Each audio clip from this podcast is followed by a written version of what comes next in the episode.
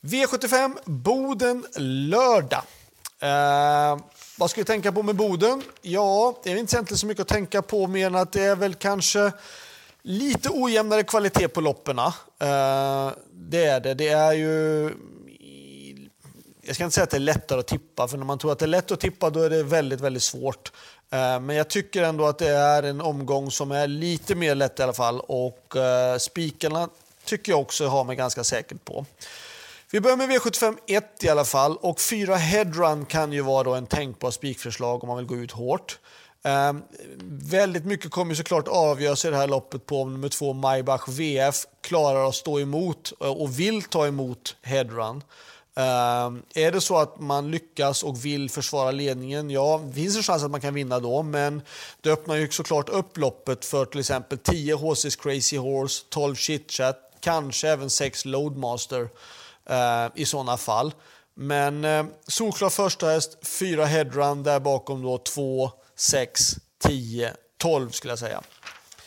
V75 2, eh, klass 2-loppet. Eh, fyra I've Got Pepper, den här som jag hade i tidigare träning och som har gått jättebra nu när jag kom upp till Boden, eller upp till Norrland. Eh, och det är klart lite lättare motstånd och så är det ju även i det här klass 2-loppet. Inte riktigt lika hårt klass 2-lopp som det kanske är när det ser ut.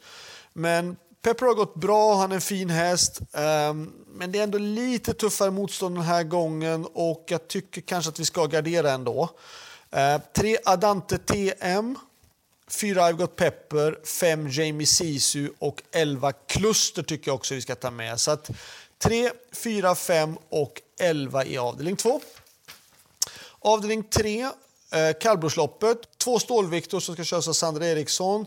Fyra Mellenfrost, eh, Liss-Karin Sandvik och sju Guli Orkan som ska köra Malin Wiklund. Tre duktiga kuskar och tre bra hästar tycker jag i det här fallet. Ehm, det är klart vi ska gardera på med någon mer häst också. Nio Sargo och elva Skällsjö Viking. Det är alltid så svårt att säga det här med sjö och skäll och grejer alltihopa. Men oavsett då, Skällsjö Viking 11 tycker jag också är intressant. Eh, men jag tror att först och främst att 2, 4 och 7 är de som är mest intressanta ändå. Där bakom de 9 och 11. V75 4. Eh, här tycker jag nummer 11, Olli Håleryd, är huvudet högre än de andra. Jag tycker hon är stentuff, tål tuffa upplägg, går bra varje gång. Det är två hästar strukna redan nu i loppet. Eh, jag tycker att hon är ett tänkbart spikförslag, 11 Olli Håleryd. Uh, värst emot det tycker jag är 2 Country Home, 3 Amy Ness, 5 Global Daylight och eh, uh, 14 va? 14 Florence Ima också. Um, vill man ta med någon mer häst så kanske 12 Ice Girl LA i sådana fall. Men jag, jag tror att det står mellan ett, 11 i spikförslag, där bakom 2, 3, 5 och 14. V75 5. Tre Devils Tang, Sandra Eriksson. Jag tycker om det här ekipaget. Hon eh, har jättebra form på hästen. Eh, bra utgångsläge, det är hemmaplan, rätt distans, 1640 meter. Jag tror att det här är ett bra spikförslag. Det är klart att fem Lindis Muscle Mania med Daniel Wäjersten är ett superbra motbud. Men i och med att hon har spår 3 och Daniel har spår 5 så, så tycker jag att 3 Devils Tang är ett bra spikförslag.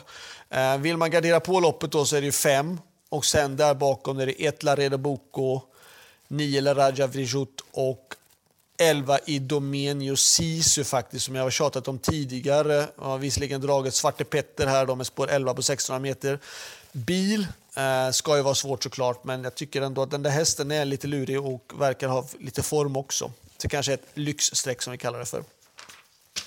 V75 6, det här är det svåra loppet eh, på något sätt och vis ändå. Sju Axel Ruda tycker jag är imponerande hela tiden, men jag tycker att det behöver lite fler streck ändå i och med att han har fått spår 7. Jag vill ha med nummer 4 Rome Pace Off.